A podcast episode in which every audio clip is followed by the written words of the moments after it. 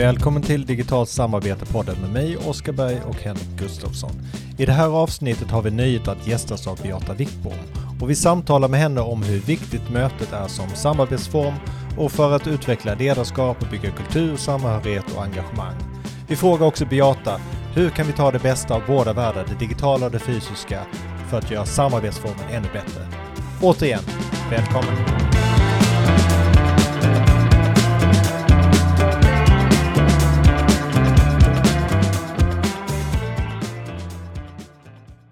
Vi lovade ju i förra avsnittet att vi skulle bjuda in gäster till podden framöver. Och eh, vi håller vad vi lovar och i detta avsnitt så har vi bjudit in ingen mindre än Beata Wickbom. Välkommen Beata, kul att ha dig här. Tack! Ja, jag håller verkligen med. Jättekul att ha dig här Beata. Och när man läser på lite om dig så hittar man ord som IT-entreprenör, digital folkbildare, att du jobbar med digital transformation, innovation, AI och förändringsledning bland annat.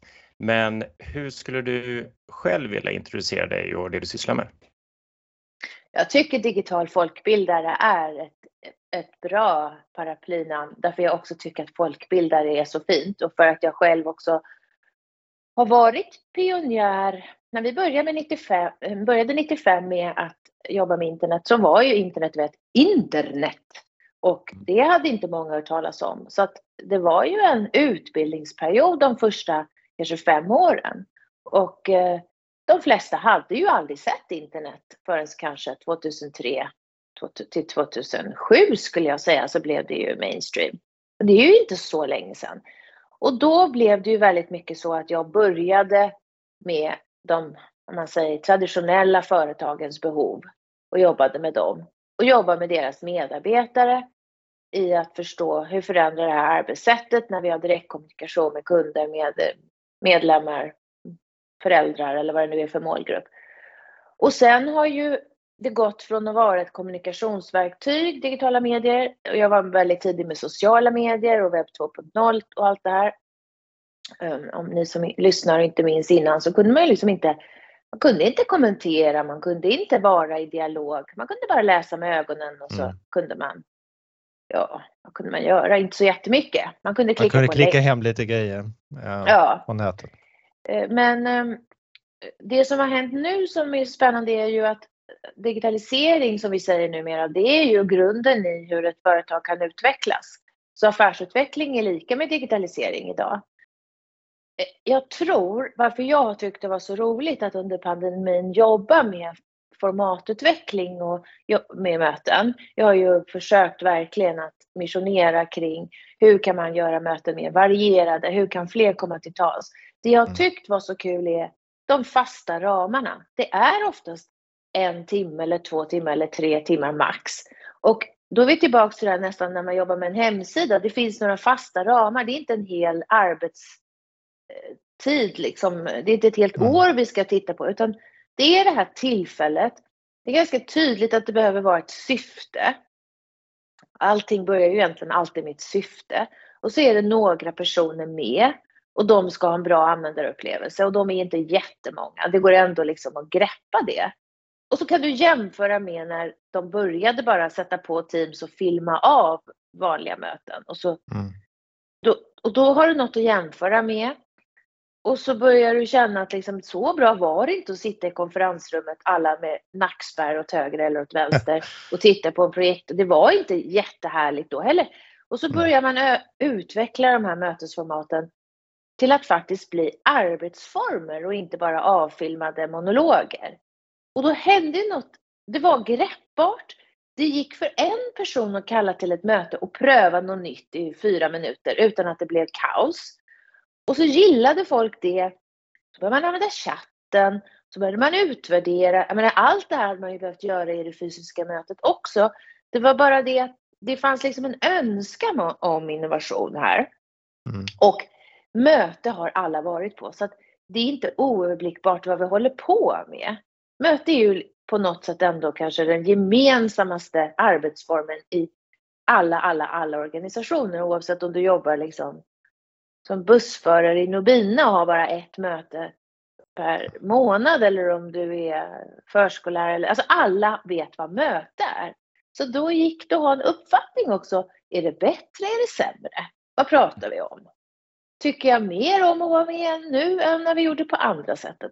Så jag tycker det fanns något härligt konkret i det.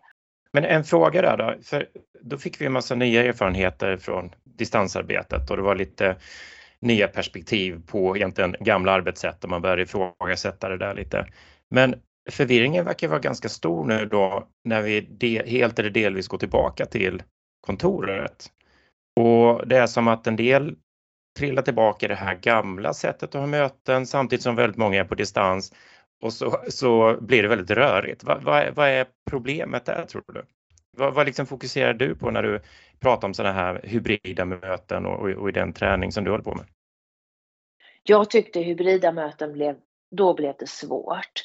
Det, mm. jag tycker att rena digitala möten, så som vi spelar in den här podden, lyssnarna, så sitter vi i Teams och vi ser alla är lika stora i rutan, vi, vi liksom har bra, hör bra, vi har samma tillgång till tangentbordet om vi skulle jobba med någonting i något delat dokument. Det jag tycker är problematiskt med hybridmötena är att vi har inte riggat tekniken, ett, för dem. Det finns inte en bra kamera på den som är i det fysiska rummet och pratar utan då har vi lim, kameralimpan som är mitt hatobjekt, den här eh, som sitter under eh, skärmen i konfarummet. Så att, och så har inte alla i mötet som sitter fysiskt, så man ser inte så bra på distans. Och distans blir det verkligen, det ordet, det ja. hör man ju. Man känner sig därmed på distans, för de som är i rummet gör ingenting för att, så att säga, inkludera dem i samtal, utan där sitter jag själv och de andra får ha gruppkänsla. Och så mm. trean är ju också att vi använder inte då all den funktionalitet som var ganska härlig. Eh, vi använder inte chatten därför att de som sitter i det fysiska rummet sitter inte med dator och egen kamera utan de sitter bara och snedvrider nacken och tittar på, på skärmen och in i den där limpakameran. Så att vi, vi får mindre funktionalitet så det blir mer föredragning igen. Och det blir ingen samhörighet. De som sitter i rummet, det tycker jag också är hemskt, de ser inte de som är i det digitala mötet. Här tycker jag man ska ha en stor TV i rummet som bara visar de här, våra kompisar som är på Teams eller Zoom. Det blir ingen samhörighet. Vi pratar liksom ut i, i intet bara med varandra. Så det här är sämre än i början av pandemin när vi var nybörjare helt digitalt tycker jag. Så det här är jättesvårt. Det här är den svåraste delen. Men mycket av de här problemen skulle ju faktiskt lösas om vi bara fortsatte att ta med oss vår dator eller platta in i de här mötena och att alla var uppkopplade. Men, det är men ju mitt råd. Det är inte riktigt så. Och lära sig hur man gör, ta bort rundgången så att alla hade mm. kamera. Och då är också frågan så här, kan man inte sitta kvar på sin skrivbordsplats då? Varför ska, vi, varför ska man ens gå in i det stora rummet som kallas för mötesrum eller konfarum? Är det inte bättre då att man säger att vissa möten kommer vara fysiska och bygga på snabb interaktivitet och då kräver vi att alla är här. Mm. För det är också ett sätt att bygga samhörighet och det finns mycket som går förlorat i kroppsspråk och trygghet och ibland går det ganska fort i digitala möten. Man hinner inte se att någon... Alltså, det svåra med digitala möten är att det blir aldrig några pauser som är naturliga, utan det är alltid någon som pratar. Ibland vill man ju bara låta någon tänka lugn och ro. Och man ser på det när man är i samma rum att det kommer komma, ta det lugnt. Nu har man gjort så här.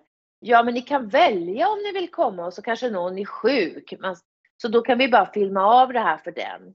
Men det är ju, mm. då säger jag, gör inte det. Det är en sämre användarupplevelse än att inte vara med alls. Att sitta och titta på andra som har det kul eller de sitter och pratar. Så det här med, med hybrid, det tycker jag är jättesvår. Vi kallar ju det här hybridmöteshelvetet, alltså massa fenomen som du varit inne på med eh, mötet i mötet, att man har ett möte i rummet men eh, de som är på distans är inte med i det mötet för man är ett annat media. Eh, man, man har inte samma möjligheter till interaktivitet. Även om man då kör digitalt så blir man ju bortkopplad i rummet om man inte sitter vid sin dator. Det finns en massa problematik med just att man blandar två format som var för sig kan vara väldigt effektiva. Men när man blandar dem så blir de ineffektiva. Vi har ju börjat prata om ändå designa, utforma möten, att liksom lägga mm. tid på förberedelse och det är där det ofta faller att det är ingen som hade gjort det förut heller, men nu måste man ja. göra det. Och designa för dem som sitter längst bort. Och om de känner sig delaktiga, då blir det oftast delaktighet för fler. Målet är maximal inkludering. Men om du inte har ett liksom inkluderande sinnelag eller arbetssätt i vanliga fall, då kommer det här aldrig att gå. Jag har ju skrivit ganska mycket på LinkedIn om det här med vad jag tycker är goda råd baserat på vad jag har sett. Och då lärde jag mig att från en organisation, de kallade det för mötesskötare. De mm. hade alltså, förutom en mötesledare som jag faktiskt tycker är en nödvändig roll, och det kan man gärna rotera den rollen, att någon är mötesledare vars roll är att se till att alla är inkluderade, max, och att alla kommer till tals. För att mötesledaren ska kunna koppla av och bara fokusera på samspelet och kommunikationen så ska mötesskötaren vara den som ser till att det inte blir rundgång, som hjälper till att liksom sätta kamera på och ljus på den som är mötesledare så att de som sitter på, på skärm ser bra och hör bra. För det är en digital stress om du är mötesledare och dessutom mm. ska sköta. Jag har ju varit i min, i min dotters sovrum, hon har flyttat hemifrån, och haft möten med upp till 500 personer. Och både varit mötesproducent, mötesskötare och moderator. Det blir för mycket. Låter som den där filmen där man, en person spelar alla roller. Ja, men lite så. Och då tror jag att, att om vi då tänker att den som designar mötet, den behöver på förhand också jobba mer med tiden än vad vi gjorde tidigare. För att det finns inget så jobbigt som att det blir stressigt i hybridmötet. För att du ser ju inte allas reaktioner så att du måste ha mycket mer koll på, jag har ju minutschema när jag kör möten nu. För du kan inte skynda på på samma sätt. Och du kan inte kolla om alla är färdiga och det måste få ta längre tid om det behövs mer tid. Och där måste man räkna, lära sig att räkna igenom. Och jag säger till och med att är det viktiga möten skulle jag öva mer. Jag skulle alltid ha två, tre personer i organisationen som jag snabbt kan koppla upp mig med. För att de kan inte sitta framför spegeln och öva på det här. Det här måste man ju mm. öva på. Så ser vi hur lång tid tar att prata om det här. Hur lång tid tog det att lyssna av grupperna? Du har aldrig gjort det förut. Hur ska du kunna veta om det tar sju eller tolv minuter? Och där tycker jag det finns en lite dålig respekt för att det här är ju vårt arbetsmöte. Det är nu vi jobbar. Det är klart vi ska designa det här. Folk som jobbar mm. i fabrik går inte bara in och trycker på lite knappar och hoppas att arbetssättet ska funka. Men vi kontorsråttor, vi, vi bara liksom slänger oss ut och hoppas utan att ha övat en enda gång. Ja, men jag tycker också slå tillbaka på vad är ett möte och hur är vi vana vid att se på möten? Tyvärr är det ofta så att dagarna är fyllda av möten och när vi kommer till mötet så börjar vi med att försöka tänka igenom varför är vi här? Har vi gjort någonting till sist överhuvudtaget? Och sen mm. försöker man improvisera något arbete under den stunden och sen så tar det en vecka och så ses man igen och så har det inte hänt någonting. Man måste mm. boka mm. in det, det här mötet. Då är det ett stort steg att börja inte bara tänka igenom syfte, agenda, struktur utan även liksom göra allt det här andra runt omkring. Att tänka på engagemang och kreativitet och så vidare. Men är inte det här eh, lite grann och tillbaka till det här med eh, att det, mötet är ju verkligen den vanligaste samarbetsformen och det är där vi behöver börja och designa det medvetet. Men... Och det är därför det är så bra, förlåt jag avbryter Oskar, att mm. det är så återkommande gör ju att det är så bra för det är i vardagen som vi, som vi har alla de här mötena och det är där vi kan då, därmed göra stor skillnad för mm. produktivitet och engagemang och bara glädje. Mm. Men det, den här analysen som eh, jag har gjort i alla fall och vi har pratat om det mycket Henrik, men det är ju att, att digitaliseringen av kontorsarbete den har ju liksom bara skett. Man har slängt in Office-paketet och så kom mejlen och, och så kom det liksom nya verktyg. Men det har inte funnits något strukturerat sätt att arbeta med arbetssätt som det till exempel då gör i fabrikerna där man har jobbat med lean och andra metoder. För man inser hur viktigt det är att jobba på liknande sätt och, man har skiftbyten och så. Men det har varit väldigt by the seat of your pants eller vad man säger i, i liksom vilda västern på kontoret till den liksom punkt där det liksom bara blivit överväldigande och vi drunknar information och, och möteshelvete och, och så vidare. Någonstans måste man sätta ner foten, ta tag i det och skapa strukturen. Jag är också väldigt förtjust i arbetssättet möte, alltså att vi hittar ett sätt att arbeta när vi är tillsammans. För att jag tycker oftast att vi använder inte samarbetsplattformen möten till att arbeta, utan sen går vi och gör det ganska individuellt. Så jag älskar när vi liksom eh, tar upp en miro och börjar jobba tillsammans. Eh, när vi samskapar någonting så att när vi går därifrån efter två timmar då är vi klara och det ju, då känner jag så här, gud vad roligt det är att jobba, vad roligt det är att ha de här mm. kollegorna. Men då måste ju så här, alla dokument vi behöver finnas lätt tillgängliga. Då får det inte bli för mycket hack eller har vi några kundinsikter liksom? Var finns de då? Ja, men de finns i någon powerpoint som någon höll på någon drag. Vi ska mejla henne, hon är borta nu, vi får dem nästa vecka. Det tar så lång tid att få det materialet som är inputen. Vi är ganska okunniga på så här, hur genererar vi idéer? Hur grupperar vi idéer? Hur prioriterar vi? Alltså, vi gör ganska dåliga workshopsformat. Workshop är ett svårt arbetssätt som också mm. kräver planering och träning. Just det här med att, att få mötena till att bli roliga och samskapande och så vidare. Då måste man flytta ut. Henrik, du var inne på det här tiden att man kommer till ett möte och vet inte vad, vad det handlar om. Så ofta är det att man ska informera varandra om någonting. Det finns nästan inget som heter informationspunkt. För att det hade alltid varit mer effektivt att sitta en och en och så berättar mm. jag för dig så får du ställa dina följdfrågor. Det passar ju inte särskilt bra att göra det i helgrupp om det inte finns interaktivitet. Och ändå gör man så. så. Och ändå gör man så. Och, så. och så gör man det också för att man tänker, jo men egentligen är syftet inte informationspunkt med vårt måndagsmöte. Egentligen är det bygga kultur och samhörighet. Jaha, men då kanske man inte ska prata alls utan låta folk få umgås då. Mm. Jo, men vi måste ju, måste ju ha några agendapunkter. Varför det om syftet är bygga kultur? Eh, så att, ja, det är väldigt mycket att det är virrigt med syftet. Eller skapa tillit till den här ledningen är ett väldigt vanligt syfte, men det vågar man knappt uttrycka. Och då måste man ju verkligen göra en bra presentation och visa att man är transparent och visa att man, det finns gott om tid om frågor. Bara en sån sak som att titta, hur mycket frågetid finns det? Först är det 50 minuter dragning, sen är det 5 minuter frågor. Det är orimligt. Jag tycker det ska vara 20 dragning, 80, 20 dragning, 80% frågor för att jag ska få tillit till att de förstår att de som ska ha den här, att det finns massor med frågor och det tar tid att bena ut. För att det här, vi har hållit på med det här jättelänge, men de vi ska prata med har inte hört det här. Nu ska vi skapa förståelse och tillit för den här förflyttningen.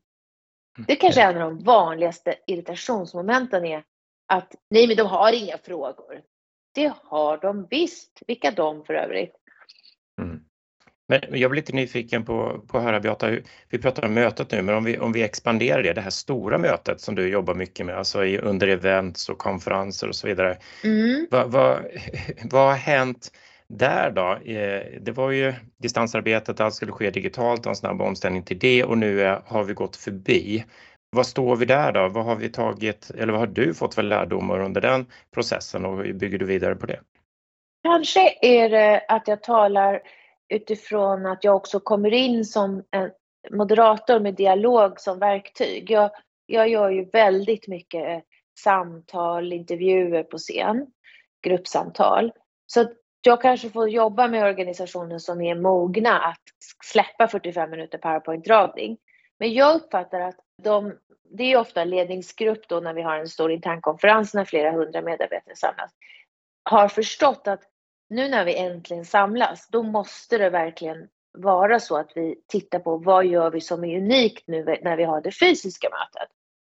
Det är enklare att dra ihop tre stolar och ha dialog om en fråga. Så jag gör ju ofta en övning som är att ta fram mobilen och visa en bild på något som engagerar dig. Det här att man bara står där mitt emot en kollega och faktiskt tar fram sin mobil är ett väldigt sårbart jag tittar liksom på din skärm där och så. Så vi gör övningar som är mera nära människorna. Jag tycker att det finns en större förståelse för mer variation, ett tajtare upplägg och mycket mer samtal, dialog, reflektion. Så den här fysiska konferensen är inte så där sövande tråkig, man bara sitter och väntar på att man ska få göra femkamp, utan de är riktigt bra de jag har varit på på sistone. Ja. Men, men är det som att pendeln har slagit tillbaka igen? Nu har det varit så fruktansvärt digitaliserat allting så nu, nu vill vi inte nu vill vi inte ha någon teknik, i alla fall inte som märks på de här konferenserna, utan det ska vara så, så mänskligt som möjligt. Eller är det att man mixar det här lite? För man kan ju också använda mixar, teknik för att, mixar, för, att, för att stötta interaktion och, och, så. Alltså vi jobbar nästan alltid på något sätt med mentiverktyg av något slag Men också det här fina att vi har en kund som sitter i Tyskland som vi har med på länk. Eller vi har spelat in fyra medarbetare i produktionen som berättar om någonting på film och redigerat med bra ljud och bra ljus. Förut då kunde vi inte, vi hade aldrig några andra kollegor med förutom de som var i rummet. Mm. Och så flögs det in så gästtalare hit och dit. Men det är ju helt meningslöst. De kan ju lika gärna vara med på länk. Länk säger jag, men liksom. Det är, ja, men det är intressant det här med för att det ändå ska bli en poäng av att alla är där så måste man använda digital teknik. Annars blir det det här envägskommunikationen från någon. Så du måste på något sätt koppla ihop deltagarna eller grupperna där. Det är ju en grej som jag upplever att jag bidrar med som är, jag gör ju väldigt mycket så här, hand upp alla ni som känner igen er, mitt i VDs-talet. Liksom, mm. Jag vill ju, man ska kunna lajka ungefär. Ställer upp, vänder om, hittar någon eh, med samma färg på skorna eller liksom bara någonting som gör att man inte tar den som sitter precis bredvid. Reflektera i två minuter, en minut var, se till att båda kommer till tals. Vad hörde du just? Och sen så går jag ner och så går jag med mikrofonen och så säger jag bara, vad pratar ni om Oskar och Henrik? Och då blir det ett väldigt surr när alla börjar prata. Och det surret, den känslan av samhörighet, den går inte att få i det digitala mötet. Den är väldigt fin. Mm. Plus att det går att spela fet musik, det gör det ju också i, i mm. möt, digitala möten, det gillar jag. Men det blir inte samma maffiga känsla av samhörighet i rummet. Så det finns vissa grejer där liksom, det blir verkligen härligt. Plus att Mm. Satsar du på riktigt fin konferensteknik med perfekt ljud, jättestor screen och du ser jättebra. Det är väldigt roligt att, att efter att ha suttit vid köksbordet liksom, att, att ha mm. stor skärm bara, att se bra. Mm. Jag är helt eh, med på det du, du säger då. om vi ställer det lite kontrast till, eller om vi tittar på möjligheterna då kring det här hypade metaverse det används i spel, det är lite eventkonferenser som man testar på. Man fumlar lite för att göra arbetsmöten i, i, i den typen av miljö. Så här. Ja, hur ser du på den utvecklingen utifrån ditt perspektiv? Alltså jag tycker att det är optimalt. Men vi är ju liksom 95 igen. Att vissa mm. har förstått. Men de har ju inga att samarbeta med för de som inte, du måste ju ha förstått för alltså det är ju nätverkseffekt igen. Mm. Du kan ju inte sitta där med ditt headset och vara ensam. Så eh, jag tänker att det bästa skulle vara så här att varje organisation köpte in några headset och hade liksom en grupp på 10 pers som försökte översätta. Vad skulle, hur skulle vårt morgonmöte se ut? Utifrån syftet hela tiden. Tillbaks till syftet, inte bara att det finns metaverse. För det jag tror är att det blir, när jag provar, det är så verkligt. Alltså och verkligt, det vet vi från forskningen, när det är verkligt, när jag hör att någon står till vänster eller höger och ljudet är bakom mig och jag kan gå mm. framåt och möta dig, jag hälsar då, jag tar med mig det fysiska beteendet mer än vad jag tar med mig det digitala beteendet. Och fysiska beteendet är det fler som så att säga, man sträcker fram handen, man säger hej, man skriker inte på någon. Alltså det är mer sådana. Då tror jag att vi kan känna tillit. Därför att vi säger till exempel att nu tittar jag på min screen här, alla lyssnar, ja, och så är ja. Oskar och Henrik precis lika stora. Och det visar forskningen att då tycker jag, jag sätter samma betydelse på dem. Men om du Henrik hade varit en prick och din bild hade flimrat så mycket så att vi hade behövt stänga av dig, då hade vi inte tyckt att du var lika faktiskt viktig. Och du hade inte upplevda närvaron av dig hade gått ner. Så att jag upplever det så här, när jag är i en bra lösning där vi sitter och pratar, eller framförallt när man så går runt på mingel i metaverse, eller VR, mm. är otroligt verkligt. Alltså det är så verkligt så att det är bättre än ett vanligt mingel. För man ser vad folk heter, de har ju liksom skyltar på sig. Så mm. det här kan bli hur bra som helst. Men man måste igen utgå från syftet, inte bara att det går. Jag har en reflektion där för att när jag lyssnar på det så då har du skills som verkligen behövs i det för att skapa det här eh, tillitsfulla eh, klimatet och där man interagerar och skapar det här surret.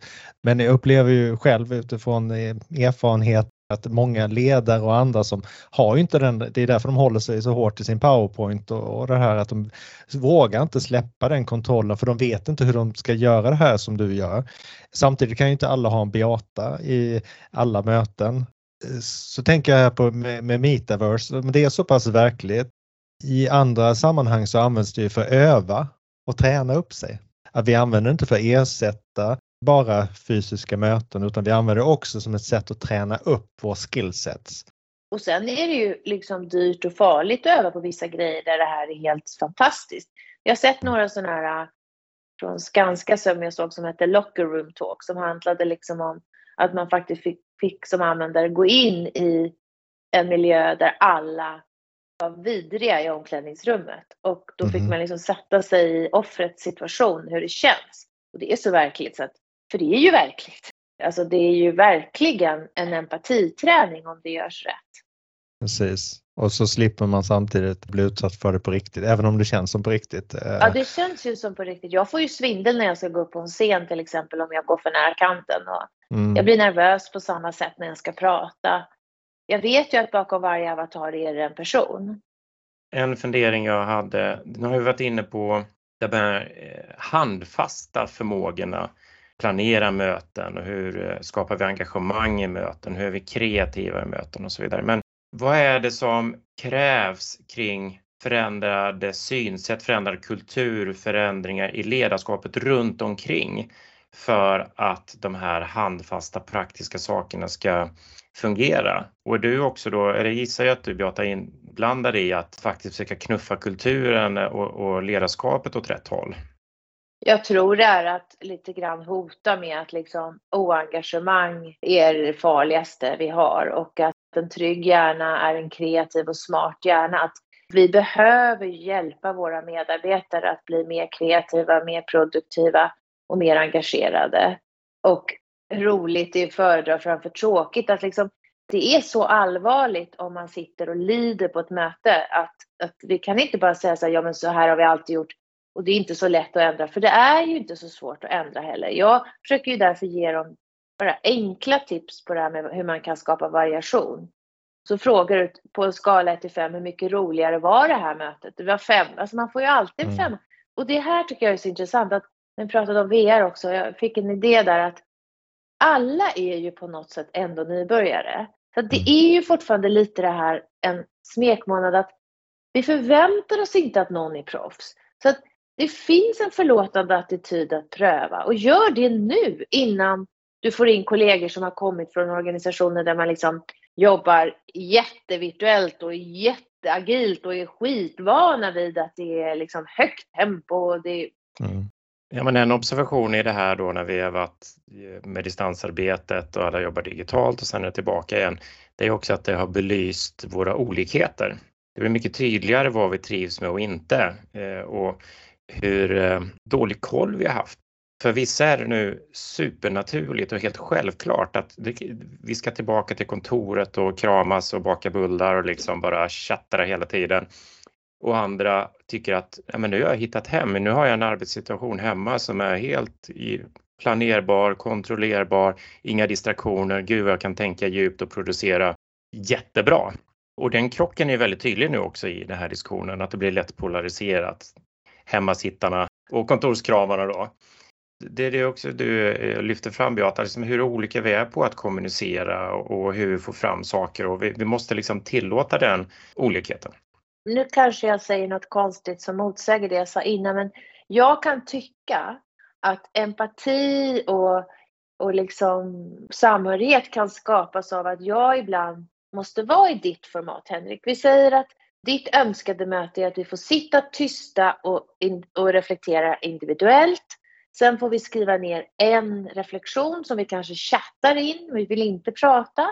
Och sen gör vi det anonymt. Alltså, och jag mm. tror ju att nu har det blivit en, en, en vurm för låt var och en hitta sitt optimala arbetssätt. Men vi är ju vanemänniskor också, så går vi in och så fastnar vi i någonting sitta hemma vid köksbordet på en stol och få ont i ryggen på sikt och inte få någon input och bara gå på sitt liksom tv-yogapass och inte... Det blir så extremt åt andra hållet. Då kan jag tycka så här, nej, två gånger i månaden så har vi det här arbetssättet som alla behöver vara med på. Det kan ju vara att vi gör ett väldigt interaktivt digitalt forum eller att vi har coworking hemma hos varandra. Det kan ju vara massa olika format. Men jag tycker inte att vi ska låta medarbetare bestämma sitt arbetssätt och sen så hålla sig i det för all evig framtid. Det kan inte heller vara lösningen. Men vi jobbar ju tillsammans så att vi måste hitta de här samarbetsformaten som funkar. Mm. Och som du är inne på, att vi behöver kanske fler än ett och som inte är bundet till en plats, en specifik plats, vare sig hemmet eller kontoret, utan vi hittar format som är lite mer flexibla. Man kan ju inte heller, som du är lite inne på, att utgå från att jag ska vara i min comfort zone hela tiden. Det är inte det som är syftet med jobb, utan det är ju att kunna jobba tillsammans. Men när vi jobbar tillsammans sen ta hänsyn till att vi har individuella preferenser och förutsättningar, vilket vi inte gjort tidigare. Eh, innan har det varit one size fits all. Alltså möjligheten är ju att vi kan jobba tillsammans på smartare sätt och inte vara bundna till en plats eller till ett visst arbetssätt som är individuellt. Jag håller helt med. Jag tänker också att om jag frågar när jag kommer till en ledningsgrupp och vi ska vem är, vem är arbetssättsansvarig? Då finns det ingen. Så vi säger att jag är ny och ska ombordas. Hur får jag lära mig hur jag jobbar optimalt? Alltså man bara sätter igång, får en dator, en mobil, mm. Mm. Lär sig vad intranetet är. Och sen så ska man bara göra. Ja, mejla runt lite och läsa runt Hittar du bara HR-sidorna på internet så, så är du onboardad. Eh. Ja, jag tycker att arbetssättsansvarig skulle vara skitkul att vara. Och jobbar du agilt, då är det ju ofta processledare som är väldigt tydliga med. Alltså de som jobbar agilt tycker också det är bra, för då vet vi hur vi ska jobba. För då har vi liksom köpt ett arbetssätt. Men det är ju intressant för det är ju någon slags blind fläck vi har redan från skolan. vi lär oss ju inte hur vi jobbar med kunskapsarbete på något systematiskt eller effektivt sätt, inklusive samarbete. Vi lär oss det inte i skolan, vi lär oss det inte på arbetsplatsen. Det finns inget, som du säger, eh, utpekat ansvar för detta, vilket är ganska otroligt med tanke på hur, hur stor del det är av arbetet i de flesta verksamheter. Otroligt att vi klarat oss till denna punkt. Ja, men det är inte men... konstigt att det blir rörigt och överbelastande och stressande. Om man får skjuta in en fråga till här.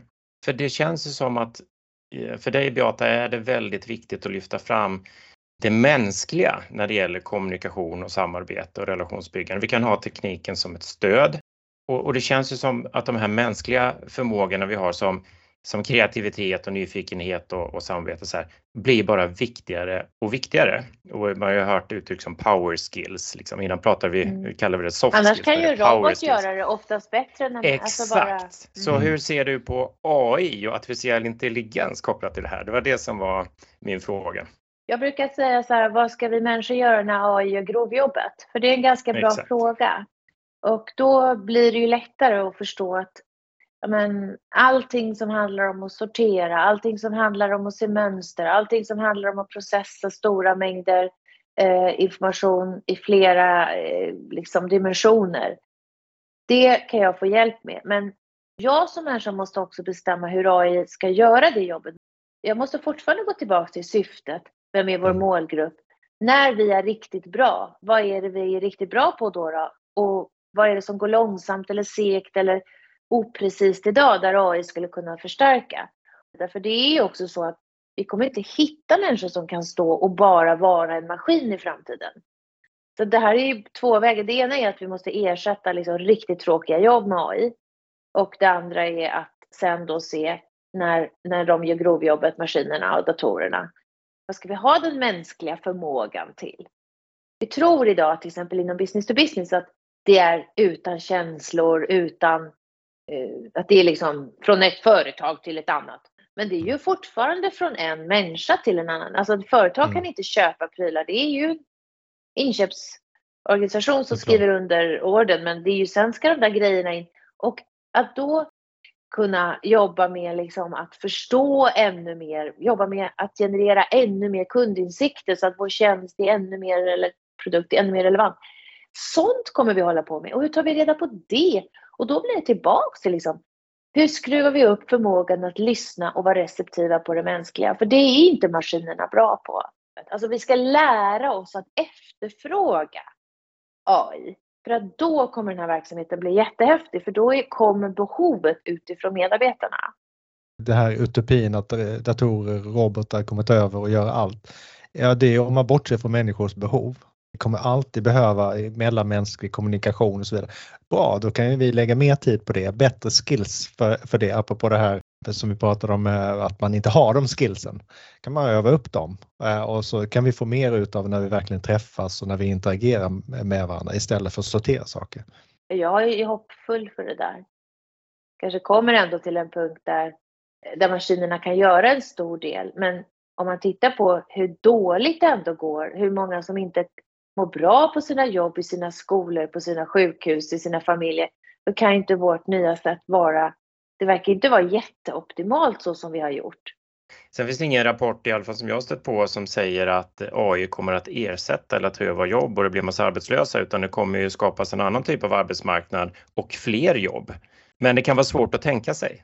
De är ju baserade utifrån att, att tänka nytt, tänka annorlunda, att ta sig an mer komplexa problem än, än just det, det rutinbaserade och det som går att automatisera. Nästan alla syften är snabbare, billigare.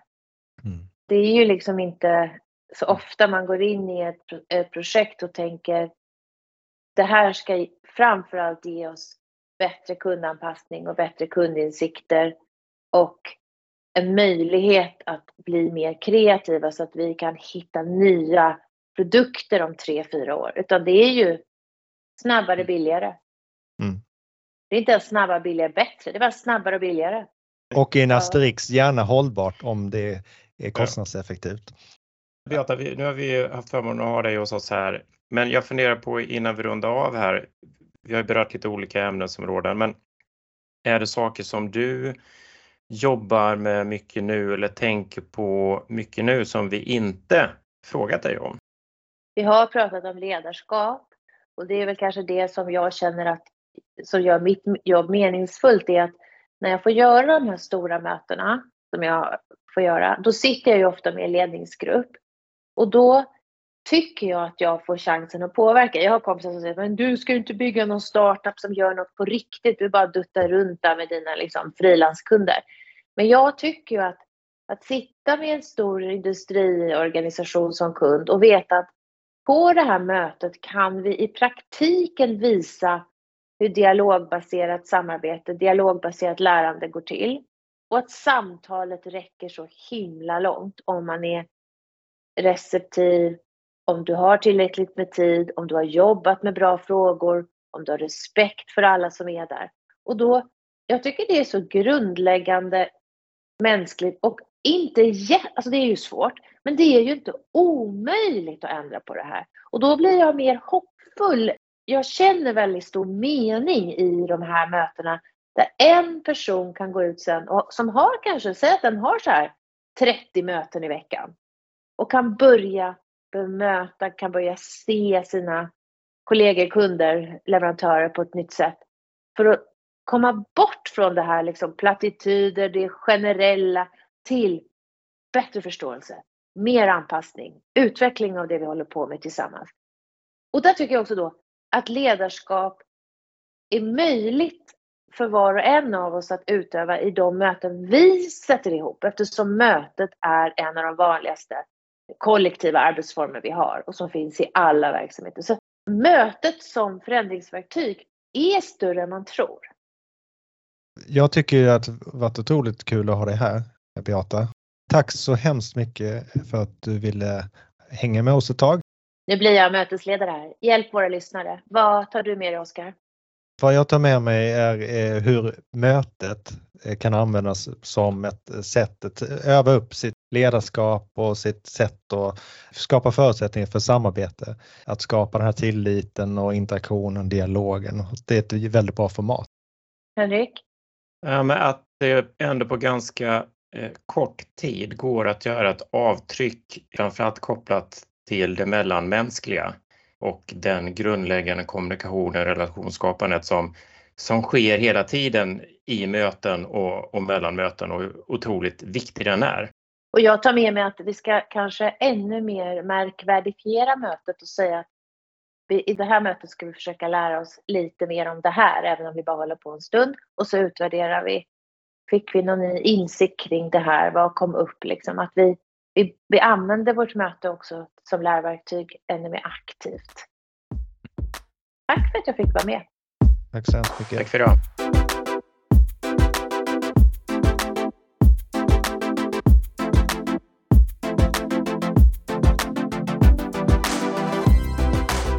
Då så har vi fått uppleva höstens första gästspel till podden och vi kommer bjuda in många fler spännande personer framöver vars erfarenhet och perspektiv vi är nyfikna på och som vi tror har något väsentligt att tillföra kring digitalt samarbete.